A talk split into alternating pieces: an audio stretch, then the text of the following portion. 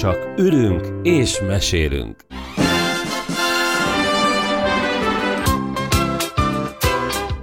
A főbb szerepekben Forgács V. András, Laska Pál, valamint Mester Ákos. 13-szorra is nagy-nagy szeretettel köszöntjük a kedves hallgatókat, ez itt a Csak ülünk és mesélünk, a filmes podcast, ahol mindenki derül. A mai adás címe 13. típusú találkozások. Szerkesztőségünk tagjai már alig várják, hogy hozzálássunk az audiovizuális népneveléshez. És hogy kik ők? Forgács V... Bocsánat, András V. Forgács, forgatókönyvíró Londonból, aki már kettős ügynökként és állampolgárként jelent nekünk sokat. Tudod, most kéne köszönni. Um, szeretettel köszöntöm a kedves hallgatókat. Valamint Laskapál Újbudáról, aki a Bravo magazin és a 80-as évek nagy szakértője. Tisztelettel köszöntöm a hallgatókat. Jó magam, Mester Ákos, mozgóképszerész Óbudáról celebrálom a mozimisét. Ezúton szeretnénk megköszönni annak a sok-sok új hallgatónak a bizalmat, akik hétről hétre egyre több lejátszási órát produkálnak Spotify-on, Apple Podcaston, Ankoron és meg annyi platformon. Bár ennek anyagi haszna számunkra nincs, de a tudat, hogy családjainkon és közeli ismerőseinken kívül más is figyel ránk, nos, az sokat jelent. Jó, hát eddig az írott szöveg. Ezt te leírtad? Igen, hát nem láttad, hogy olvassa? Ez muszáj volt, mert tényleg, ö, és valószínűleg el is vesztettük most az új hallgatókat. Kösz. De hogy a, a, arról be kell számolnunk, hogy, hogy nagyot ugrott a hallgatottság, valószínűleg a, a gombapresszó, nem tudom, ajánlásnak köszönhetően is, legalábbis a, ahhoz a dátumhoz köthető egy, egy elég nagy ugrás, és hát remélem, hogy még, még ez folytatódik, illetve Ugye a Facebook csoportunk, amely egy zárt csoport, ott is elég sok ajánlást kapunk, mind filmek, mind hírek terén, és igazából most a műsornak a, a nagy része az lehet, hogy ebből fog állni, hiszen elég sok minden történt az elmúlt héten. Ennek az origója egy 444-es cikk, ugye ez a véget érhet a hollywoodi blockbusterek kora clickbait jellegű dolog, aztán ehhez kapcsolódóan Géci Zoltán ajánlott nekünk egy saját cikket, ami a Filmvilág decemberi számában jelent meg, a Sötétben köttetett alkuk címmel, ez nem a brüsszeli diplomáciáról szól, ajánljuk mindenkinek elolvasásra, de hogy akkor valahogy, valahogy helyezzük képbe a hallgatót, miről is van szó? Herceg Bárka 444 újságírója ö, rittyentett egy, egy fú, hát egy nagyjából 1000 1500 karakternyi, hát inkább 1000 karakternyi uh, cikket arról, hogy véget érhet a hollywoodi blockbusterek kora, amit körülbelül 1975 óta minden évben uh, valaki megír, mert Javasolnám a következő címnek az Árul-e a kultúra című.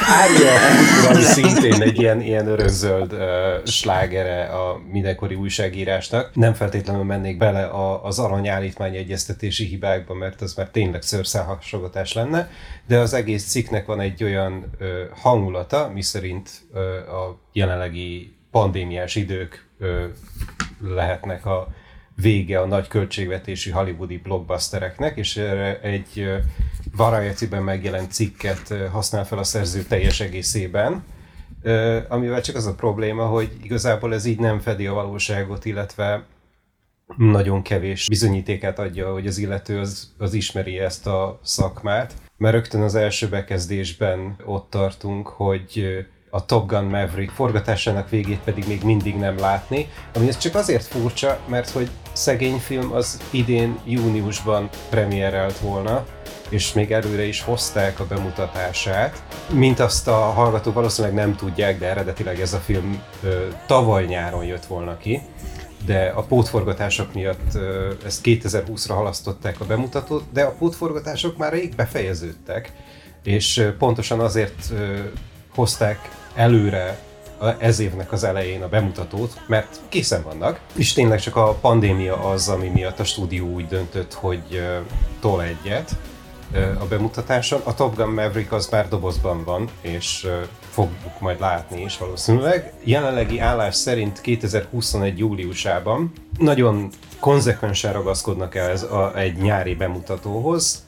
Ez szerintem egy teljesen érthető, egy olyan nyári akciófilmről van szó, ami egy már régóta várt folytatása az eredeti Top Gunnak. Egyébként lehet, hogy Herceg már arra gondolt, hogy ugye hát a Patyomkin páncélos is úgy készült el, hogy az utolsó snittet Eisenstein a saját nyálával ragasztotta a, a mozigépnél ugye a spulnira a bemutatón, de hát azért én azt gondolom, hogy ilyen hollywoodi blockbusternél ez azért eléggé merész fantázia, hiszen sokkal több pénz forog kockán annál, mint hogy ez így legyen. Igen, bár mondjuk, hogyha te mostanában nyalogatni akarnál egy DCP-t, az a digitális komponens, amit ugye be kell illeszteni a vetítőbe, akkor az valószínűleg nem a te nem a te filmed lesz. Viszont tény is való, hogy annak idején, amikor a Spectre 2016-ban bemutatkozott, amikor bemutatták, konkrétan az utolsó hangkeverés a premier napján történt, tehát a, a rendező még a bemutató napján is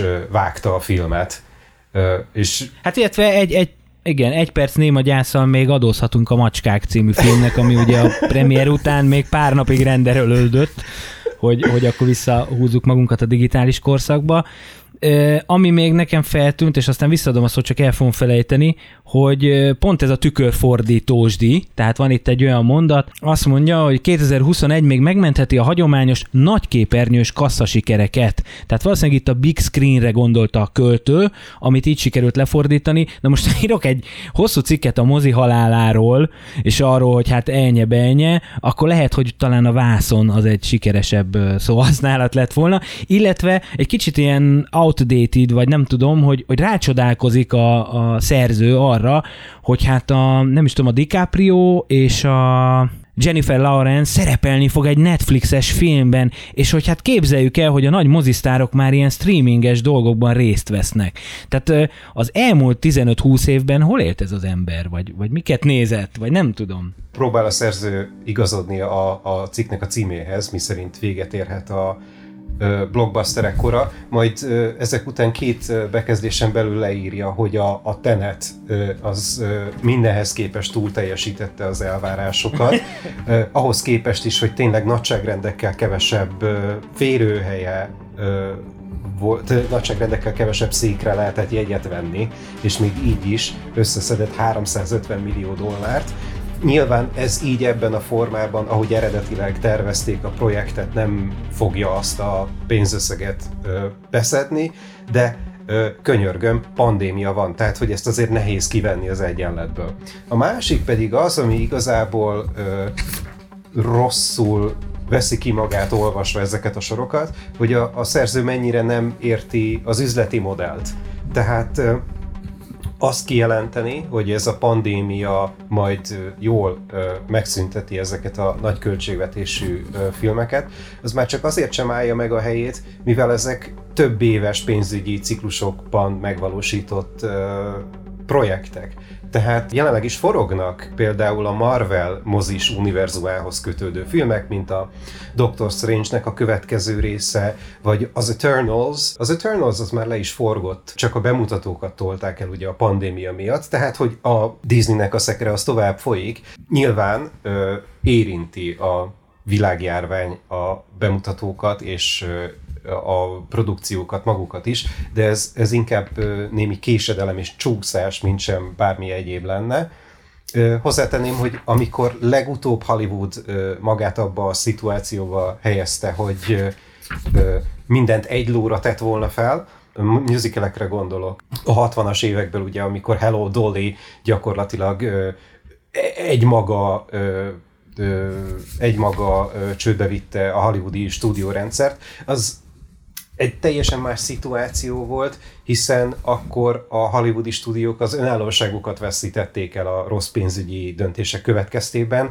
Ma már az összes hollywoodi stúdió az egy multinacionális cégeknek a tulajdonában van. Teljesen más üzleti modellekről van szó. Illetve egy ilyen konglomerátum, tehát hogy szindikátus vezeti, tehát hogy az a cég, ami tulajdonolja a filmstúdiót, az részben mozikat is tulajdonol, televíziótársaságokat is, kvázi saját maguknak gyártják ezeket a filmeket, és ezzel kapcsolatban majd talán érthetőbb lesz a később kitárgyalandó Warner HBO Igen, döntés és is. még régebben, még, még Hollywood aranykorában, a 20-as, 30-as években, mondhatjuk ezt mai csúnya szóval, vertikálisan integráltak voltak a stúdiók, ergo az ő tulajdonokban voltak a mozik is, amikben a filmjeiket vetítették. Ezeket a mozikat később eladták, ebből lettek a nagy mozisláncok Amerikában, mint mondjuk az AMC, és ez a fajta vertikális integráció jöhet vissza most, hiszen pont az AMC az egyik legnagyobb amerikai mozislánc, ami elég ö, rossz helyzetbe ö, hozta magát azzal, hogy kötötte az ebetakaróhoz a különböző bemutatók terén, és a stúdiók eddig is inkább voltak olyan helyzetben, hogy diktálni tudhattak, hiszen a nagy mozisláncoknak nagy szükségük volt a, például a Star Wars-ra, vagy ö, a Marvel filmekre ahhoz, hogy a nézőket be lehessen vonzani.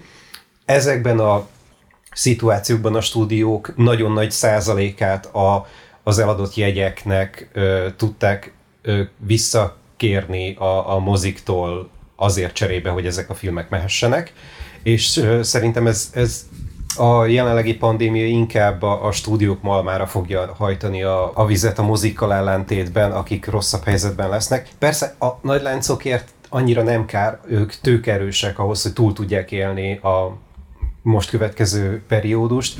Akik igazán veszélyben vannak, azok tényleg a független mozik. Azt mondja, a blockbuster ez nem vezet sehova, Hollywood szinte semmi más nem csinál ezeken kívül, a bevételek 95%-át az ilyenek teszik ki. Egy korábbi adásunkban ugye már megemlékeztünk a legendás 1999-es évről, és hogy az volt az utolsó olyan évek egyike, amikor viszonylag független és viszonylag kis pénzből készült filmek tudtak nagy pénzügyi és kritikai sikert elérni. Ez a folyamat már zajlik egy nagyjából 20 éve, de azért nagyon örülök, hogy ezt így mostanra 2020-ra valaki felfedezte. És, Sőt, hát ugye a, a függetlenség mellett egyedi, tehát hogy, hogy, Igen. hogy egyedi, eredeti filmek. Na, ez, ez fontos. Voltak 99-ben. Ö, Most is vannak, csak éppenséggel a mozikból szorultak ki, erről már egyébként megemlékeztünk, hogy ez azért valamilyen szinten szomorú, de van nekik helyük, tehát ahogy a Netflixnek is a, a, a, a példája mutatja, hogy ezek a filmek ki tudnak jutni a közönség elé, csak sajnos nem moziba. Hogyha a tavalyi bevételi listát nézem, akkor azért a top 10-ből mondjuk 8 ez a hagyományos blockbuster kategória, szuperhős film, Star Wars, Toy Story, ilyenek, és gyakorlatilag a Joker és az az volt az, ami kvázi nem blockbusterként ö, felkerült a listára, ugye amerikai bevételt számítva ilyen 2-300 millió dollárokat hozott, nyilván a globális világbevétel az azért ö, jóval kedvezőben alakult, tehát hogy a top 10-es listára is felférnek olyan filmek, amik nem kifejezetten a, a blockbuster igényével készülnek. Mert hogy a bohóckodás azért az mindig érdekli az embereket. Tidém, tém. És van a cikknek egy, egy másik bekezdése, ahol ugye Kína lenyomja Hollywoodot, szintén ez egy olyan cím, amit ugye az elmúlt húsz évben állandóan lehetett olvasni, ami nagyszerűen ö, köti össze a Herceg Márk cikket a Géci Zoltánnak a cikkével, aki egy nagyon ö, részletes és hosszú ö, cikkben a filmvilágban mesél ö, Kínáról, illetve hogy hogyan vált az elmúlt húsz évben Kína talán a legjelentősebb külföldi piacá Hollywood számára, és hogy ez mivel jár. Kicsit elfelejtődik az, hogy az elmúlt húsz évben Kína nem csak abból profitált, hogy ö, igencsak nagy mennyiségű nézőt tudott szállítani a hollywoodi filmeknek, de ők maguk technikailag is felzárkóztak. Most már mondhatjuk azt, hogy felzárkóztak Hollywoodhoz már, ami a filmkészítés technikai részét illeti. Egyik kedvenc példám több, több okból, van egy hongkongi rendező, akinek Dante Lam a művész neve, Dante Lam Xiu Jin, azt hiszem, elnézést kérek a kiejtésért. Ő egy hongkongi rendező, aki így a 90-es évek óta aktív. Mint minden hongkongi rendező, természetesen ő is a hongkongi alvilág filmjeivel kezdte a pályafutását, de az utóbbi években átnyergelt a katonai fikcióra, vagy mondhatnám azt is, hogy ez egy mostanra már meglehetősen keleti, orosz, illetve kínai sajátságos zsáner, az az úgynevezett katonai akciófilm, aminek a főhősei és az egész milliója a hadseregben, illetve annak a különböző alakulatainál szolgál, és ezeket a történeteket leginkább a, a Delta force tudnám párosítani abban a tekintetben, hogy egy fiktív történetet mesél el, amiben a szereplők, akik egy különleges alakulatnak a tagjai mindenféle fantasztikus akciókban vesznek részt, és ennek az első példája volt az Operation Mekong, 2016-ban mutatták be, és hogyha megnézzük ezt a filmet, ami közel két óra, 124 perc körül van, akkor technikailag egy csodálatosan idézőjelben hollywoodi színvonalon megvalósított tényleg nagy léptékű látványos akciófilm. És miután ennek a filmnek két folytatása is született, aminek a legutóbbi darabját idén mutatták be, elképesztően uh, nézett sikeres, mind kritikailag, mind bevétel szempontjából sikeres film, ami azt jelenti, hogy a, a kínai közönségfilm, rendkívül gyűlölöm ezt a kifejezést, de nem tudok mást használni helyette. A kínai közönségfilm rendkívül erős és kompetitív Hollywooddal szemben. Hogyha ezt hozzáteszük azt a már évtizedek óta létező kvóta rendszert, amit a kínai filmforgalmazóknak használniuk kell, ergo nem lehet több külföldi filmet bemutatni, mint hazai gyártásút, akkor láthatjuk, hogy a technikai kompetencia és a protekcionizmus, mert hogy ez az, megszülte magának a, az eredményt. A napokban egyébként volt szerencsém egy ilyen konferencián részt venni, ahol a kínai film ö, ö, disztribúció rendszeréről beszélgettek, érintettek, és ö, azt kell, hogy mondjam, hogy az elmúlt 10-20 évben ö, egy rendkívül olajozott rendszert építettek föl oda át. Természetesen, mint minden hasonló rendszerben, itt is az informális kommunikáció, aminek jelentős szerepe van. Tehát, hogyha beleolvasunk a Géci cikkbe, és nem szeretnék nagyon spoilerezni, mert mindenkinek ajánlom, hogy olvassák el, itt is előfordulnak olyan történetek, amik kelet-európai szemnek ismerősek lehetnek, és azt hiszem én ennyiben is hagynám, mert nem szeretném a kínai kommunista párt haragját magamra, magamra vonzani. Hát pedig pont, pont itt jött volna be az, az a szegmens, hogy, hogy oké, okay, a technikát értjük, meg hogy technikailag ki hol tart, de ugye a cikkben ott gyűlnek a sötét fellegek, hogy hát ez a megfelelni vágyás a kínai piacnak, vagy az, hogy mennyire fontos a kínai piac, ez bizony rányomhatja a bélyegét a nagy hollywoodi filmekre is, hiszen most már az egy szempont, hogy, hogy olyan filmek készülhessenek, ami majd ott is ugye átmegy. És edd- eddig is voltak ilyen dolgok a animációs filmekben nagyon látványos, de emlékszem, hogy néhány romantikus végjátéknál, meg igazi blockbusternél is láttuk, hogy mondjuk a kínai piacon más volt a plakát, vagy egy-egy jelenet egy kicsit fel volt turbozva. Itt viszont most már ott tart a dolog, nyilván a producer nem hülye, és arra gondol, hogy eleve írjuk meg úgy a könyvet, vagy olyan embereket szerepeltessünk, vagy pont a Top Gun-ról volt szó, hogy a Tom Cruise-nak a bőrkabátján a bizonyos jeleket is akkor inkább levesszük, mert hogy az sértheti a kínaiakat. Szóval, hogy belecsúszunk egy ilyen... Konkrétan én is felkacagtam, amikor a trailerben megláttam azt a momentumot, amikor Tom Cruise felveszi azt az ikonikus jackit, amit az előző részben is hordott, és a meglehetősen prominens helyen szerepeltetett embléma, ami ráadásul nem is egy konkrét utalás arra, hogy a kínai köztársaság az egy önálló jogi entitás, hanem volt azt hiszem a 70-es évek végén, 80-as évek elején valami operáció, amiben, amikor a az amerikai haditengerészet Tajvan környékén manőverezett. Hadművelet. És had, hadművelet, köszönöm. Ha már, ha már a fordításokban találunk kivel. Elnézést kérek már. Mű, műtét. Elnézést kérek, mert pár éve elmúlt, amióta az Rényi katonai kiadónak fordítottam dolgokat hogy, hogy ennek a bizonyos hadműveletnek az emblémáját kellett lecserélni valami másra, mert ne adj Isten a, a különböző szinteken ezt valaki rossz néven vette volna, de mint minden ilyen rendszert emlékezzünk vissza, hogy azért ami jelenleg Kínában van, az annyira nem másabb, mint ami rendszert nekünk is meg kellett tapasztalnunk 89 előtt, nagyon sok múlik azon, hogy ők mit akarnak észrevenni, és mit nem. Tehát, ahogy a, a Géci Zoltán cikkből is kiderül, ha bele akarnak valamibe kötni, mert hogy a megfogalmazása a szabályozásnak az van annyira általános, hogy most gyorsan föl is lapozom, hogy, hogy konkrétan idézni tudjam. Vonatkozó jogi dokumentum egyebek mellett a következőket helyezi szigorú tilalom alá, idézem, a nemzeti egység, a nemzeti önrendelkezés, a területi egység veszélyeztetése, a nemzeti méltóság, becsület és érdekek megsértése, történelmi események és történelmi figurák torz módon történő szerepeltetése, a nemzeti történelem tudott aláoknázása, a társadalmi morál veszélyeztetése és a társadalmi rend megzavarása, a társadalmi stabilitás aláoknázása. Tehát, hogy ezek, ezek olyan megfogalmazások, hogy gyakorlatilag bármire rá tudod őket húzni, és innentől kezdve a döntéshozónak a, a jó indulatán múlik, hogy mi az, amire azt mondja, hogy belefér, és mi az, amire nem. De azért nem menjünk sokkal messzebb, hát azért idén mutatták be a Mulánt, ami hát azért akkor elbukott, mint a csűrajtó, és aminek csak egy része volt ugye a pandémiás helyzet.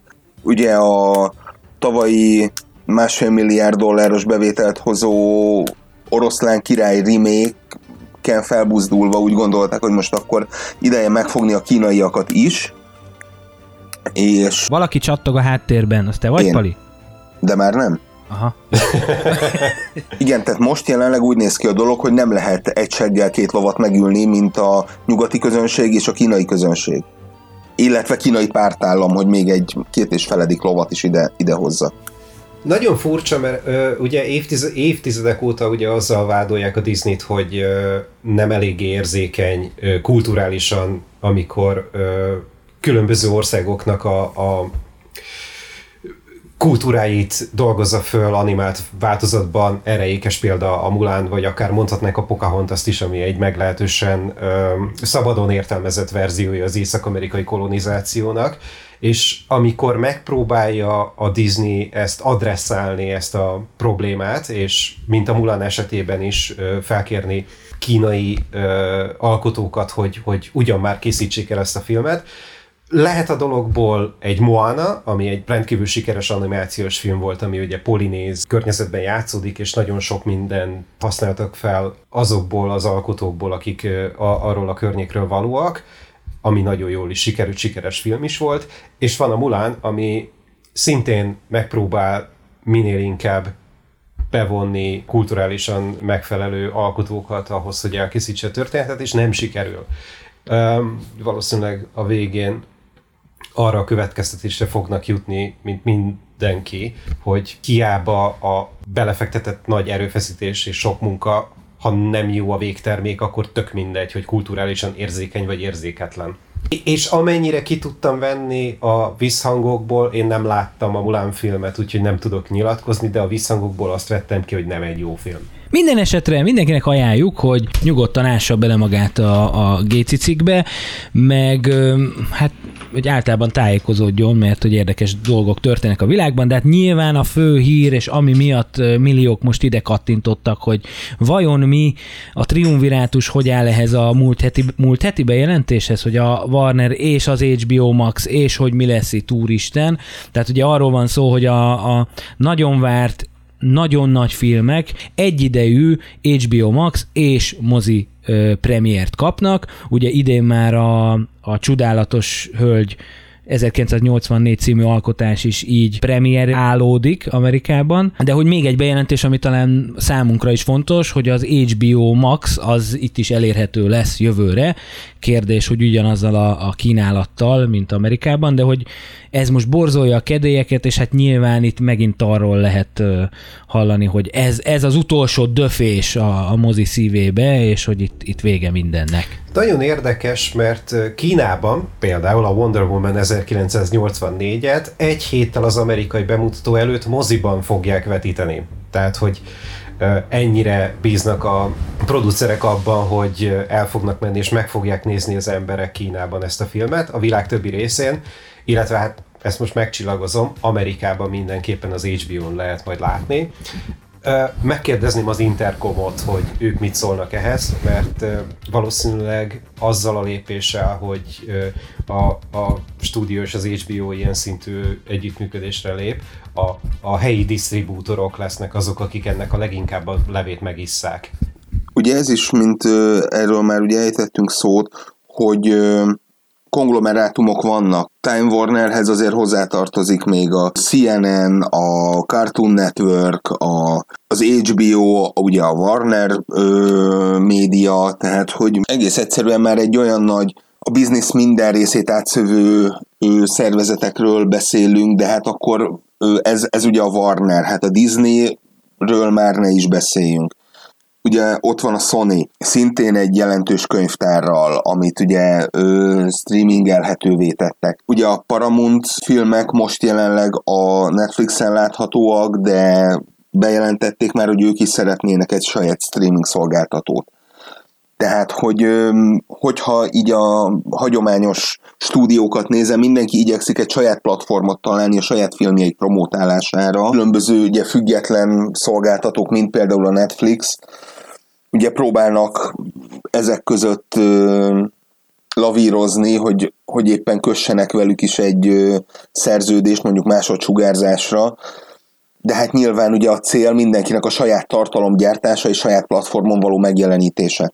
Az, hogy ez a fajta sugárzási ablak leszűkül gyakorlatilag a nullára, tehát nincs nem kell megvárni, amíg lepörög a moziban, hanem egyértelműen lehet látni, és ez mondjuk jelentősen meg fogja dobni azért a különböző torrent forgalmakat. Ez egy kísérlet, hogy vajon, vajon mennyi bevételt fognak hozni így a filmek. Gyakorlatilag ez a, hogyha úgy nézem, a választás kiszélesítése. Ha ak- valaki akarja, akkor streameli, ha valaki akarja, akkor elmegy moziba, az alatt az egy hónap alatt, amíg ez menni fog. El lehet dönteni, hogy kinek mi kényelmesebb.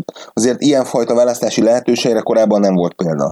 Azért nem teljesen példa nélküli, hiszen Nagy-Britanniában a legnagyobb független mozis hálózat, a Curzon Cinemas, pár évvel ezelőtt pont azért, mert elég, eléggé megcsappant a a független moziknak a látogatottsága. Saját platformot fejlesztettek, ahol a premier napjától megtekinthetők a különböző kisebb költségvetésű, független vagy külföldi filmek, és azt vették észre, hogy ettől a mozilátogatottság nem hogy csökkent volna, de nőtt is. Tehát az online egy azonos napon való megjelenés, az segítette is a nézőknek a becsatlakozását. Úgyhogy ha ez működött a kisebb filmeknél, a független filmeknél, a művészfilmeknél, a külföldi filmeknél, stb., akkor nagy valószínűséggel működő képes lehet uh, blockbustereknél is. Megkísérlem most a kisember szemüvegén keresztül, tehát az átlag fogyasztó szemszögéből, illetve a Hihetetlen magazin újságírói eszközeivel élve egy kicsit summázni ezt a dolgot. Tehát a Enigma fanok most örülhetnek. Szóval, hogy van egy rövid távú, meg egy hosszú távú hatása ennek, most majdnem átmentem Török Gábor, vagy egyrészt másrészt, de, de hogy... A filmművészet mi, Török mi, Gábora. Mester Ákos. Azt gondolom, hogy nyilván ez a bejelentés, ez Hát ezt a pandémia szülte, mert hogy ahogy Pali is ugye megmutatta, meg a Hihetetlen magazin már százszor ugye kirakta a Facebookra, hogy minden mindennel összefügg, és ezek az óriás cégek eddig is ugye egymás kezét mosták, tehát hogy ez a dolog nem új keretű, nyilván pénzt szeretnének keresni, ebben a helyzetben ez a megoldás látszik megvalósíthatónak, és hát rengeteg pénz benne áll a már félig kész vagy leforgatott produkciókban. A kis ember ebből viszont lehet, hogy azt fogja megtapasztalni Magyarországon mindenképpen, igen. Hogyha hogyha az HBO Max megjelenik, hogy azért az előfizetési díjak az, azok emelkedni fognak. Tehát most az HBO tart azt hiszem olyan 2000 forint környékén, ez az HBO Go. Na most, hogyha itt minden hónapban bejön egy Batman film, hát akkor az, az meg, megnöveli a, dolgot, és még az is lehet ennek a vége, hogy ha kivéreztetik a mozi hálózatokat, hogy visszaugrunk oda, hogy majd a stúdiók megint mozit üzemeltetnek, vagy azt mondják, hogy nekünk nagyon kényelmes ez a streaming dolog, és visszakerülhetnek a moziba azok a filmek jobban, amik most egy kicsit el voltak nyomva. Tehát valószínűleg valami hibrid rendszer lesz ebből hosszú távon, tehát hogy megmaradnak a mozik, számukat tekintve lehet, hogy kevesebb lesz, de hogy tényleg aki ahogy szeretné, fogyaszthat majd kultúrát, és azért ennek az egész beszélgetésnek szerintem legyen az a végkifejlete, hogy nem tart minden örökké. Tehát most nyilván a 444-es cikk is, a az általunk megemlített Warner bejelentés is azért a pandémiával összefügg. Tehát hosszú távon én nem gondolom, hogy, hogy ezek a hirtelen döntések fogják itt uralni a terepet. Ez ilyen Ákos levele a számvevőszékbeliekhez jelleggel. Én csak annyit akarnék hozzátenni, hogy, hogy temetni a blockbustert szerintem még borzasztóan korai. Lássuk meg, hogy a pandémiát követő visszarendeződés mit mutat, mert hogyha ezek a 200 millió dolláros filmek elkezdenek, elkezdenek sorozatban alul teljesíteni, akkor már látni fogjuk, hogy az odafenti döntéshozók merre próbálnak meg kifutni ebből a, ebből a helyzetből, amiben hozták magukat. Szerintem ezt még borzasztóan korai lenne kijelenteni, figyelembe véve azt, hogy mennyi minden van még forgatás alatt, illetve készülés alatt. Ez még legalább egy három év szerintem. A forgalmazási csatornák arányait ö, fogja ez megváltoztatni, tehát én se gondolom azt, hogy hogy műfajok esnek ennek áldozatul, vagy legalábbis nem azok a műfajok, amikbe azért elég sok pénzt investáltak, meg hát ha már legyártották azt a sok pókember figurát, akkor azt el kell adni. El is fogják? Igen, tehát lehet, hogy egy streamingen is vissza tudja hozni a 15. Batman film mondjuk az árát, vagy, vagy egyszerűen adaptálódnak ezek a nagy filmek, és azt mondják, hogy így visszahozza az árát, és akkor lesz majd valami változtatás. Így van. Csak ülünk és mesélünk. Mozgóképes beszéd hangos filmesekkel. Folytatódik a 2020 Te csodás sorozatunk, ahol idén jubiláló filmekről emlékezünk meg, illetve hívjuk fel a hallgatóság figyelmét, hogy bizony érdemes leporolni azt a Gold Star videomagnót és betenni egy-két akai vagy éppen TDK szalagot. A mai filmek közül az első egy 2000-es alkotás, amit hát mivel honfitársak, ezért Bandi fog bemutatni. Ugye Ridley Scott Gladiátor című filméről van szó. Úristen, 20 éves ez a film. Nagyon-nagyon nagy hatású filmről van szó, és nem feltétlenül csak a közvetlen hatása, hiszen ö, mindannyian emlékszünk arra a kiválóan megkomponált poszter paródiára, ahol az arénának a közepén ö, egy ö, vizes radiátor szerepel, és fölötte a felirat, hogy radiátor azzal a betűtípussal, mint a filmnek a címe. Nem feltétlenül csak ezek miatt fontos ez a film, de ö, a Gladiátor volt az a film, ami nélkül ma nem lenne Karib-tenger kalózai.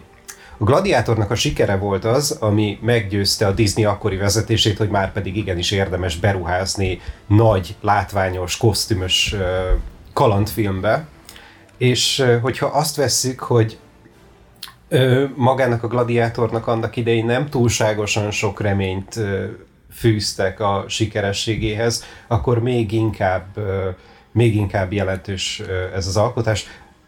Russell Crowe ezzel a filmmel lett sztár, ezzel a filmmel betonozta be magát, mint hollywoodi állistás sztár, és ha végig tekint az ember a film elkészülésének körülményein, akkor gondolhatja azt is, hogy én most megint csak a Spartacus történetét olvasom, hiszen miképp a általunk is kitárgyalt Spartacusban ugye Kirk Douglas volt az, aki formálta ezt a filmet azzá, ami lett. Russell Crowe az, aki szintén mondhatjuk azt, hogy nagyon nagy hatás, legalább akkor a hatással volt a film végkimenetelére, mint akár a rendező Ridley Scott. Arról beszélünk, hogy szó szerint a forgatás napján találták ki azt, hogy mit fognak leforgatni, és Russell Crowe maga találta ki a saját szövegét, akkor átérezhetjük, hogy mekkora káosz, mennyire kaotikus lehetett ennek a filmnek az elkészülte. Nincs olyan aspektusa a filmnek, ami ne lenne figyelemre méltó valamilyen szempontból. Ugye ez Oliver Reednek az utolsó filmje, aki pont a forgatás során kapott szívinfarktust Máltán és hunyt el. Úgyhogy ő volt az első színész, akit digitálisan újra kellett kreálni a le nem forgatott jelenetek kedvéért. A Gladiátor az az első, az egyik első film, amiben digitális statisztákat használtak nagy számban ahol a díszleteknek egy jó részét szintén digitálisan kellett előállítani. Technika történetileg mindenképpen egy mérföldkő, és hát maga a történet is egy, egy meglehetősen jól elmesélt, most nem menjünk bele, hogy mennyire történelmileg hiteles, de, de egy jól elmesélt történet és egy fantasztikus szereposztás. Tehát szintén egy Joaquin Phoenix, aki még mindig egy magasan jegyzett színész, ugye legutóbb a Jokerrel, Um, most még magasabban, mint annak idején. Most még magasabban, mint annak idején, de egy Joaquin Phoenix jelentős alakítása ez 2000-ből. Kevés olyan színészek egyike, aki mind bajuszal, mind bajusz nélkül is meggyőzően tud alakítani. más arca van bajusszal, mint bajusz nélkül. ja, igen. Lásd Charlie Chaplin. Ez az a film, ami igazából a, az azt követő 10-15 évben Hans Zimmernek a karrierjét fogja megalapozni, hiszen nagyon-nagyon sok későbbi szerzeményéből vissza-vissza köszönnek azok a motivumok, amiket még ő még annak idején a Gladiátorhoz írt meg. Tehát, hogyha pont a Karib-tenger kalózait nézzük, amibe ugye valamilyen szinten Hans Zimmernek is köze van ahhoz a, ahhoz a filmzenéhez, akkor egész motivumok, egész témák jönnek vissza a Gladiátorból. Erre van egyébként a YouTube-on egy nagyon nagyszerű videó, amiben összehasonlítják a, a két filmnek a motivumait. Egy kicsit olyan ez, mint a Ákosnak az Andante korszaka, hogy a már, már megszokott, megszeretett dallamvilágot a szintiről átnyergeljük a győri szimfonikusokra, és hát milyen jól működik. És utána iszunk egy üveg vörösbort. Nincsenek információim Hans Zimmernek a, a, az italfogyasztási szokásairól. A sört biztos szereti. Rossz ember nem lehet. Na, szóval, hogy a, a, a gigászi díszletek, meg a, a nagy tömegben legyártott jelmezek, azok évekig táplálták a Nat Geo meg Discovery-n, ez a Hogyan éltek az ókori Rómában című sorozatokat, ugyanis ha emlékszünk, ugye Máltán volt ez a félig megépített aréna stadion. Ennek van egy ilyen kivetülés, és hát akkor a magyar hatásokat is idehoznám. Az egyik ugye az Irigy Hónajmirigy egyik tévéműsorában, egy gangos ház udvarán áll egy fűtésszerelő, két nagy francia kulcsa a kezében, és a, a lakók úgy vannak a gangon elhelyezve, mint a Kolosseumban ugye a, a nézők, és örjöngenek, és akkor kérdezi a fűtésszerelő, alatt a, a gladiátor zenéje szól, illetve arra hajazó zene, hogy emberek minimumra vagy maximumra tekerjem a fűtést, és akkor ugye ordítják az emberek, hogy maximum, maximum. Tehát ez, ez az egyik. A másik pedig hát Árpa Attila, nagy sikerű Argó című filmje, ahol a nyitó jelenetben, ugye ez a római germán csata, hát gyerekek megszégyenítő módon ö, ver rá Ridley Scottra, ahol a, a Szombathelyi Szavária Légió hagyományőrzői, mint egy huszan eljátszák azt a több ezer fős alakulatot, szóval az még egy ilyen magyar gladiátor élmény, hiszen pár évvel vagyunk ugye a gladiátor után. Én soha nem felejtem el, hogy ez volt az egyetlen olyan film moziban, ahol sikerült egy ilyen literes kólát lábbal elrugni, és ahogy folyt ki a kóla, én így a, a germán csata nagy részéről le is maradtam, mert futottam a jégkockák után, de hát igen, ez már csak ilyen, és 20 éve, úristen, 20 éve ennek, hihetetlen. Elképesztő belegondolni abba, hogy szó szerint mindent meg kellett építeni ehhez a filmhez, tehát, hogy nem volt sehol elérhető kosztüm, kellék, tárgy, hiszen évtizedek óta nem készült nagy volumenű ókorban, az ókori Rómában játszódó film, és teljes örültségnek tűnt ez 1999-ben, hogy mi a túróért kell egy római szandálfilmet csinálni, hát a 60-as évek óta ennek senkit nem érdekel. Ehhez képest az év második legnézettebb filmje lett és mint te is mondtad, nagyon sokáig meg lehetett élni abból, hogy a gladiátorban felhasznált kosztümöket, kellékeket, stb. lehetett használni még a, a National Geographic-ben, vagy akár a későbbiekben is.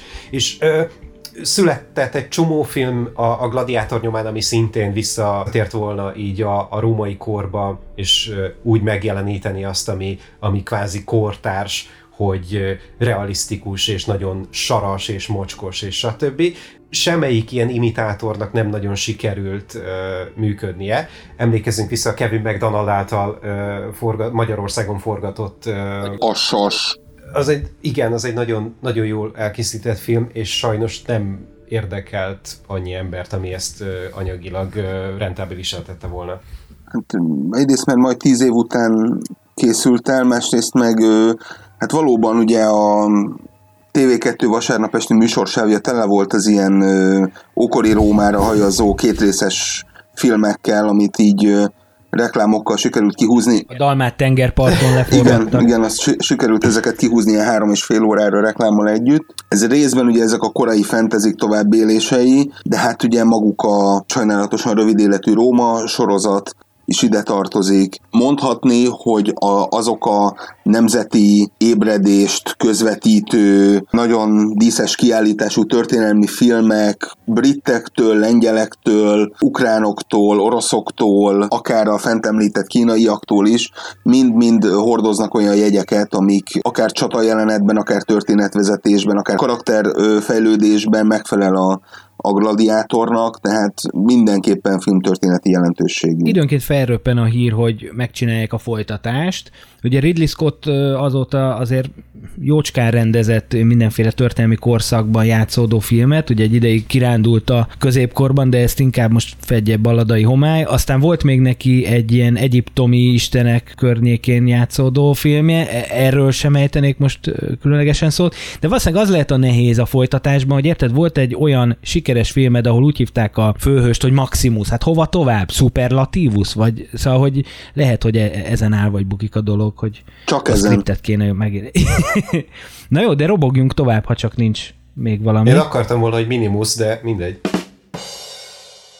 Tehát robogjunk tovább, a következő film, amivel foglalkozunk, és hát természetesen remélem nem kell mondani, hogy, hogy tessék újra nézni a gladiátort, mert hogy működik szerintem 20 évvel később is. Szóval a következő filmünk az Pali celebrálja. Volt már szó róla, sőt, ugye az Írok harca előző menetében te ennek a filmnek a, a remake vizionáltad, ez nem más, mint Paul Verhoeven Emlékmás Total Recall című filmje, ami egy 1990-es darab. Tehát én nem is tudom, nagyon öregek vagyunk. Ö, egyrészt Verhoeven, Én, én százországi dialektben mondtam most ez, és a szászok meg a hollandok azért. Al- alsó százország. Egyszer lesz majd külön egy adás arról, hogy Bruegel vagy Brehel. ez Szerintem érdekelni fog. ez. Barski. ne is mondja sajokán. És hogy van a felesége Pincsie? Ö, hát én még ugye ideje korán bemutatáskor láttam, és hát azért így ö, 11-2 évesen azért óriási hatással volt rám az egész látványvilág, hiszen mégis egy klasszikus hollywoodi blockbusterről beszélünk. Ezért tegyük hozzá, hogy itt a nagyon szimplának tűnő történet, hogy ugye egy építő munkás arról ábrándozik, hogy egyszer csak eljut a Marsra, aztán tényleg eljut. Ez, ez de haragudj, Pali, de ez, ez így, így a legkiábrándítóbb összefoglalás a cselekménynek. De a pestiest megvennétek. A pestiestben ez már, már nyomnák. Tehát, hogy ez... Hát próbáld meg 25 karakterbe összefoglalni a lényegét, hát ne viccelj. Ez a három nővér, tudod, a három nővérnek a cselekménye, a három ruszki bige húzna fel Moszkvába ezerrel, de mivel ez nem egy hongkongi akcióbig játék, ezért maradnak a seggükön. Jó, és akkor a, egy asszony illata, ugye vakember dugni akar. Tehát, hogy oké. Okay. Igen, Azt hiszem, hogy elértünk egy szintet, ahonnan nehéz ennél lejjebb már csak a következő adásban megyünk. Hol is tartottál, Pali?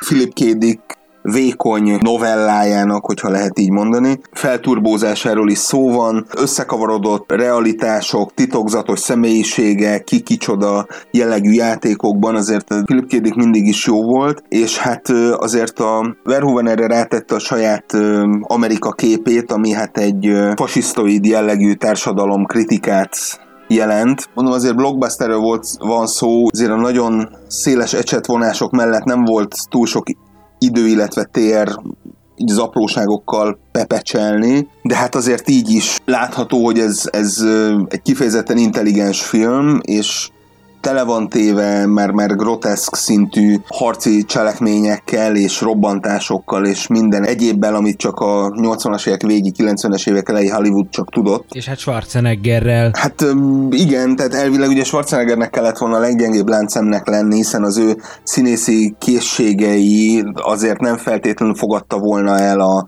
nagy érdemű, bár tény és való, hogy azért mondjuk az ikrekkel tett egyfajta markáns kísérletet így a a valódi színészet felé is. Itt azért ez jócskán elmélyítette az ő karakterábrázolását. Mindez egy ilyen sci-fi akciófilm keretében van megvalósítva, tehát hogy azért gyakran esnek bele ebben a műfajban abba, hogy vagy túlbonyolítják a dolgot, vagy pedig nagyon leegyszerűsítik. Talán az emlékmásnak sikerült megtalálni a kettő közti egyensúlyt, illetve még hát a pandémia előtt, tehát közben, ugye a két, két hullám között azért nekem sikerült elcsípni a filmet egy, egy felújított változatban, eredeti szinkronnal moziban. Azt kell, hogy mondjam, hogy mind a mai napig ugyanolyan letaglózó élmény, mint amilyen volt még annak idején a Puski moziban 11 évesen. És hát azt azért ne felejtsük el, hogy ez egy nagyon vicces és humoros film is. Ugye Vilos Kohégen a főgonosz bármelyik egy mondata az, az önállóan is megérne egy minimum falfirkát, de hát egy terítő hímzést feltétlenül. Felrobbantom a reaktort, és szépen hazamegyek vacsorázni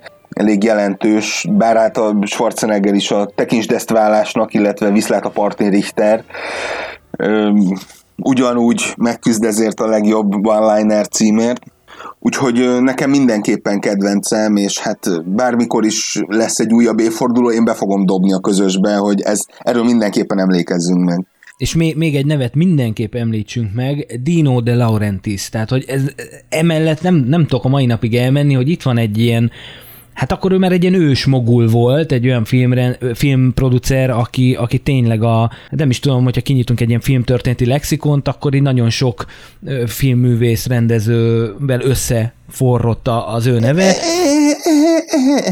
Hát ugye annyiban került ki ide a neve, hogy ugye ő vette meg annak idején ugye a Philip Kédik jogait, tőle vette meg ugye a Mario Kassar és a Karolkó, és hát ugye akkor még ugye Andy Vajna egyik utolsó Karolkó megjelenése, hiszen ő már körülbelül a bemutatás előtt egy évvel már elhagyta a Karolkó parancsnoki hídját. Dino de Laurentiis neve ugye többször is felbukkan, például ugye a Stephen King adaptációknál, hiszen ugyanígy, hogy ő vette meg a könyvek jogait, és hát a szerződésben benne volt, hogy hát fel kell tüntetni, hogy hogy neki köze van ehhez a filmhez, de hát ő egyéb megvalósításban már nem vett részt. Egy világ omlott össze bennem, tehát érted? A...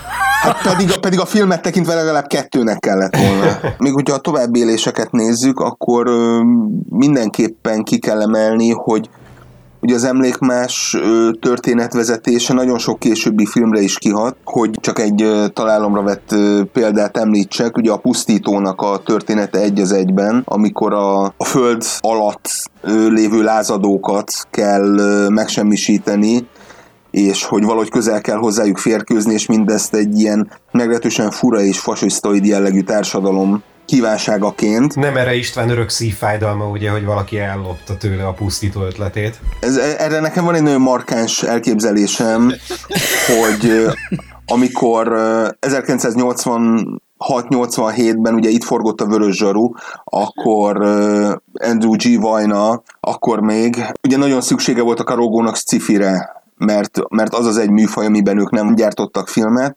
és hát ő mindenféle magyar scifit nek magyar cifit begyűjtött, nyilván itteni forgalmazó, illetve könyv megjelenési dolgokra tekintettel, és hát pont az előző évben jelent meg ugye az a kötet, amiben megjelenik a Nemerének a két ötlete, ugye az egyik, amikor föld felé száguldó aszteroidát meg kell semmisíteni, úgyhogy embereket kell oda küldeni, akik majd felrobbantják ezt, a, ezt az aszteroidát, illetve hát maga a pusztító, történet. Ugye lefogyasztja magát egy bűnöző, és az őt üldöző rendőr is lefogyasztatja magát azért, hogy későbbiekben elkapja, hiszen ugye a saját családját nyírta ki ugye ez a terrorista. És ö, szerintem egyszerűen annyi történt, hogy ő ezt a könyvet elvitte, ő ebből iratott forgatókönyvet, ami hát a fejlesztési folyamatok és az állandó újraírások következtében megváltoztak nagyon jócskán, viszont, viszont megmaradtak a, az alapvető elemek, amik, amik miatt ez sikeres lehetett. Szerintem ez, ezen az úton került ki a dolog, de ez pusztán az én véleményem nem... De a címet megváltoztatták, vagy a nem erének is pusztító Nem, a volt játszma 10 milliárdért, azt hiszem az volt. A... Azt, hittem, azt hittem az, hogy ugye nem forró nyomon volt a, a, a zsaru, hanem a fagyott nyomon nyomozott. Ez a, igen, a Steven Seagal Hogója a pokolban című filmje. Uraim, én élvezettel hallgattam az ajánlókat. Az igazság, hogy annyira elment a műsoridő, hogy én csak felsorolom, hogy én mikkel készültem, de szerintem tovább megyünk, és hát ha a címek hallatán bizseregni kezd valami a hallgatókban, és leemelik a, agyonmásolt videókazettákat. Ugye idén ünnepli a 40. jubileumát a Popeye című Robin Williams film, a Flash Gordon, és hát a Requiem egy álomért, ami 20 éves, de azt gondolom, hogy egyrészt ne roncsuk el a hangulatot, hogy egy ilyen komoly uh, filmmel is foglalkozzunk, meg hát hagyjunk valamit a következő adásra, és már is folytatjuk a mindenki által nagyon várt és izgalmas írók harcával. Felhívjuk kedves hallgatóink figyelmét, hogy a következő műsorszám a nyugalom megzavarására alkalmas képi, illetve hanghatásokat...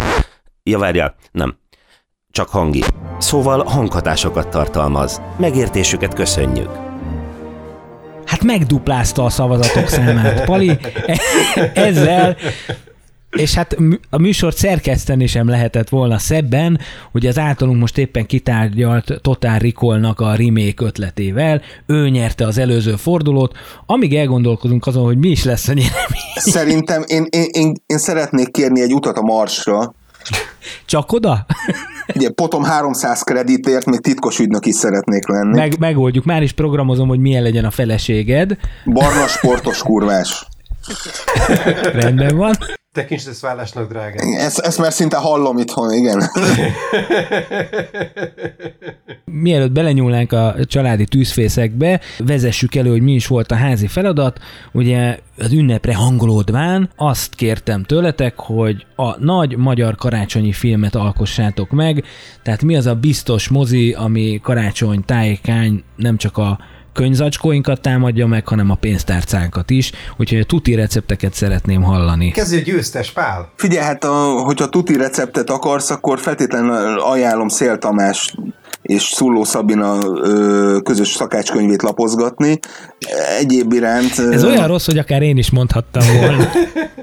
Még mondhatod. Még mondhatod nyugodtan. Ezek, ezek után nem. Magyar karácsonyi filmek között is azért voltak már kísérletek bizonyos fajta hát közös motívumok adaptálására, hogy mondjuk az igazi Mikulás és Cserhalmi György főszereplésével készült filmet említsem, ami hát a Tapló télapónak egy meglehetős magyaros verziója.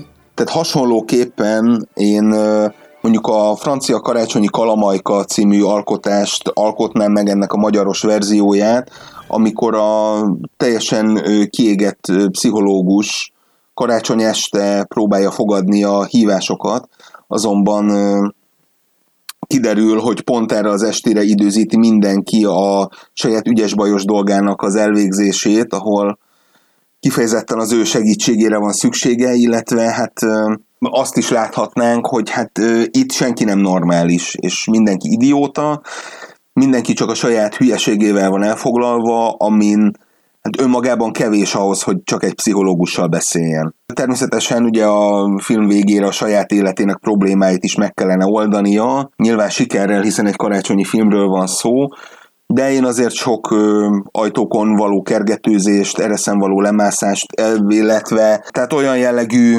karácsonyi dolgokat tennék bele, amik, amiknek mind lenne egy kis tihi, egy pici kifordítása, tehát hogy a, az ajándékozás az mondjuk ö, csak fegyver vagy drog lehet, tehát ö, tehát mindenféleképpen olyan, ami, ami egyébként a falat nem fordulna elő. És hát akkor pitcheld az ötletet szerintem az HBO-nak, terápia karácsonyi külön kiadás. Ez egy nagyon, nagyon markáns kísérlet, és Mácsai Pált el is tudom képzelni a, fő, a kiégett pszichológus főszerepében, igen. Hát akkor már casting is megvolt, úgyhogy most jön a bandi ötlete. Nehéz a kérdés, mert, mert úgy Isten igazából nincs nagyon tradíciója a, a karácsonyi filmnek, mint olyannak és, Magyarországon? És figyelembe kell azt is venni, hogy jelenlegi körülmények között azért máshogy működnek a dolgok, úgyhogy úgy éreztem, hogy ahelyett, hogy egy örökérvényű történetet vennék elő, ami minden időpillanatra és minden korszakra alkalmazható, én egy topikális témát választottam,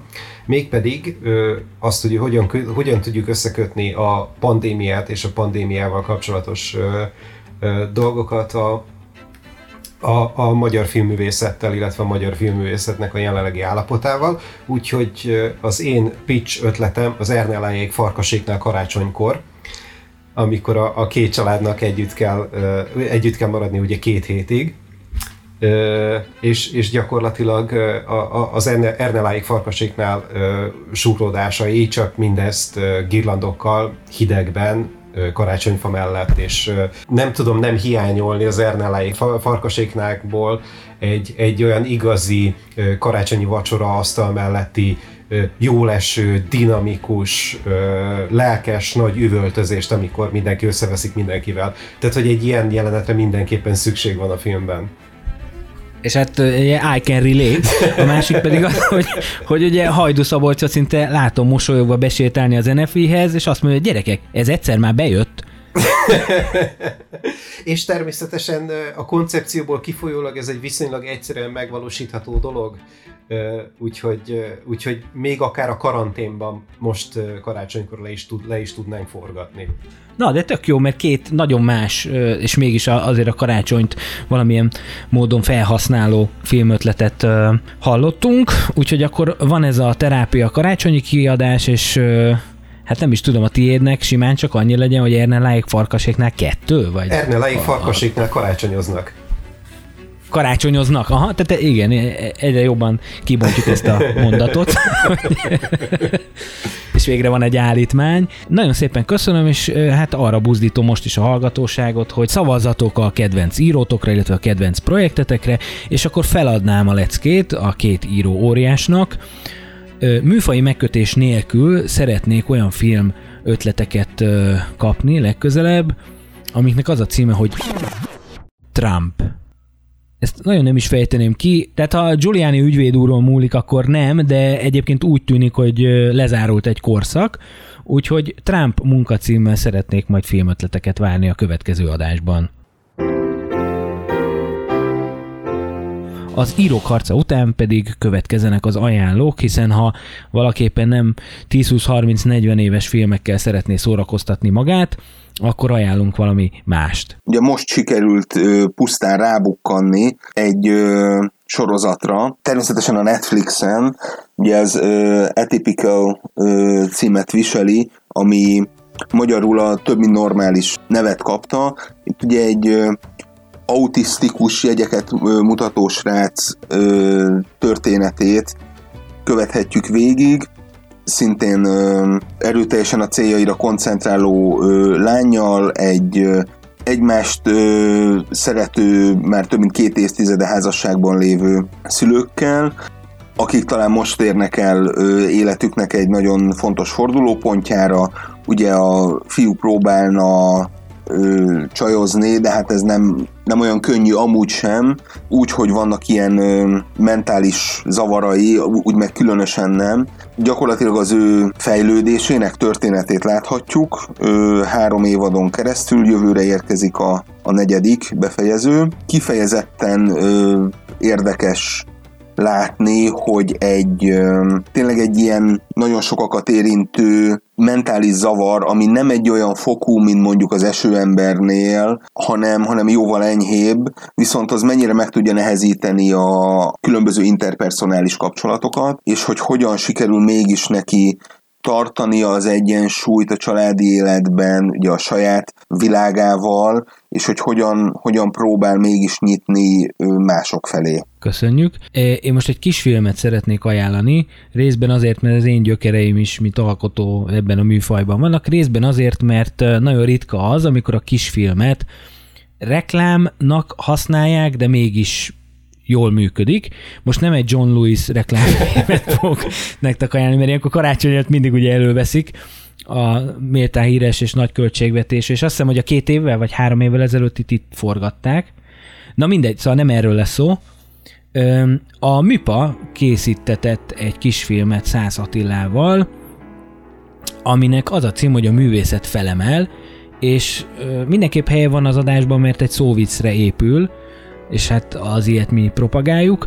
A másik pedig az, hogy úgy karácsonyi a kisfilm, hogy egy deka szaloncukor nincs benne, és egy olyan dolgot reklámoz, ami, ami meg egy tök dicséretes dolog. Ugye itt arról van szó, hogy a MIPA karácsony, illetve adventi naptárja az az, hogy minden nap egy produkciót elérhetővé tesz a, a felhasználók számára, hiszen ugye most elmenni nem tudunk koncertet nézni, és ez egy nagyon jól sikerült kisfilm szerintem. Tuti recept, van egy egyszerű történet, nagyon erős karakter, szöveg az semmi nincs benne, és elmesél egy történetet, ami tényleg megható és szép. És nézzétek, és nagyon örülök neki, hogy így csinálnak egy reklámkampányt, tehát hogy, hogy így is lehet. Úgyhogy én ezt ajánlom, és természetesen a show notes-ba majd berakom a, a linket. Bandi jön. Ahogyan a hálaadást már magunk mögött hagytuk egy pár, pár héttel ezelőtt, és amúgy is a hálaadás értelmezhetetlen ünnep Európában. Viszont minden idők egyik legjobb hálaadásos filmje a Repülők, vonatok, autók, amit a Channel 4-on ö, lehet megtekinteni 9 órás kezdettel. John Hughes klasszikus komédiája Steve Martin és a, a sajnos igen korán elhunyt John Candy-vel. És ennek a filmnek született egy remake egy néhány évvel ezelőtt, hogyha jól emlékszem, Robert Downey Jr. volt benne az egyik sztár, és hát sajnos az nem lett jó semmilyen, semmilyen szinten, de az eredeti az a mai napig megállja a helyét. Ugyan nem karácsonyi, de a hálaadásnak megvan az a nagyon furcsa pozíciója, hogy eléggé közel van karácsonyhoz, pont így karácsony és Halloween között van, úgyhogy ez ilyen őszi-téli ünnepeknek a, a hangulat az elég jól átjön belőle. Mindenkinek ajánlom szeretettel, eléggé széles körben meg lehet tekinteni, az, hogy éppen ma este a, a Channel 4 este 9-től van, az, az inkább véletlen egybeesés. Aki áprilisban hallgatja ezt a műsort, akkor az ne kattintson, vagy ne nyomja a távirányítót, mert hiába. Nagyon szépen köszönöm az ajánlást és a hallgatóknak a figyelmet. Ezen a héten ilyenre sikerült a műsor, egy kicsit többet szakmáztunk, mint szoktunk, vagy mint kellett volna, ezt döntsétek el ti, és keresetek minket a Discord csatornánkon, illetve a Facebookon, és maradjatok negatívok. Sziasztok! Sziasztok! Hello! Kell még egy szó Kicsit szomorkás a hangulatom máma Szomorkodásra semmi ok. Feltett szándékunk, hogy visszatérünk, és legközelebb is. Csak ülünk és mesélünk.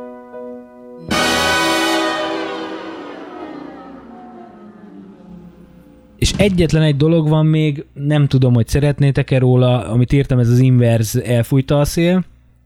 Ugye van egy nagyon ö, sikeres sorozat, a Korona, a Korona, ami egy nagyon sikeres sorozat, és a, a brit királyi családról szól, de a brit királyi család az már régóta tiltakozik, különböző évadokon keresztül, hogy hogyan ábrázolnak bizonyos embereket a családból, meg bizonyos történéseket, és ugye legutóbb az egyik szereplő is felhívta a Netflix figyelmét arra, hogy tessék már kiírni az adások előtt, hogy ez csak fikció, de a Netflix ennek ellenáll. Ez talán azért lehet csak egy ilyen pikáns adalék, mert ugye pár adással ezelőtt még azon hőbörögtem, hogy ugye az elfújta a széllel mit művel az HBO, hogy ilyen magyarázó szövegeket ír, és hogy bizonyos filmekből kivágnak, vagy, vagy kivágnak jeleneteket, vagy eltüntetik, vagy nehezen elérhetővé teszik, mert hogy hát van, akiket ez sért, és akkor most itt van egy ilyen ellenpélda, és hát a brit specialistánkhoz fordulnék, hogy ezt hogy kell most értelmezni? Um, hát, ezt a mostani történést. Uh, igazából megint arról van szó, ami sajnos most már a brit belpolitika sajátja az elmúlt uh, nagyjából 30 évben, ez pedig a a, a Daily Mail cikk vezérelte politika, hiszen a, a Daily Mail volt az, aki a leghangosabban tiltakozik a jelenlegi, jelenleg futó negyedik széria ö, ellen, ami azért nagyon furcsa, mert három évig nem vették észre, hogy ez a sorozat létezik, de amint felbukkan Diana, ö, hirtelen érdeklődést támad a, a sorozat hitelessége iránt. Nem is ez a probléma, hanem az a probléma, hogy egy kabinet miniszter az, aki megnyilatkozott és kérte a Netflixet, hogy ugyan már tegyenek egy feliratot a sorozat elé, hogy mindez fikció, ami csak azért értelmezhetetlen, mivel mindenki tudja, hogy ez fikció.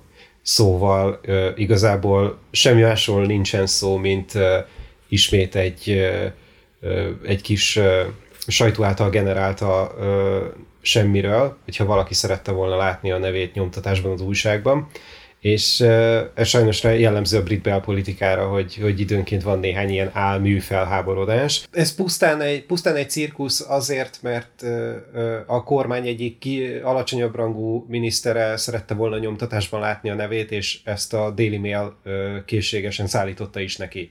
Senki nem keverte össze a, a, a The Crown-t egy dokumentumfilm sorozattal mindenki tudja, hogy ez fikció. Hát ugye a Magyar Nemzeti Hip Hop című számot a belgától, azt egyedül Fankadeli felivette komolyan, tehát hogy vannak emberek, akik egyszerűen félreértik. Tehát, hogy... Úristen, Fankadeliről se hallottam a tíz éve. Pedig ugye a Panorádi az lejátszási listába is rakta, hogy két napig ment a Magyar Nemzeti Hip Hop annak idején. Persze, csak aztán meghallgatták szóval, ők is. Jó, én, én csak annyival egészíteném ki, és zárnám le ezt a kis színest, hogy szerintem az elfújta a szél is fikció, meg a vacakszálló is például fikció, de akkor itt most meg is állunk.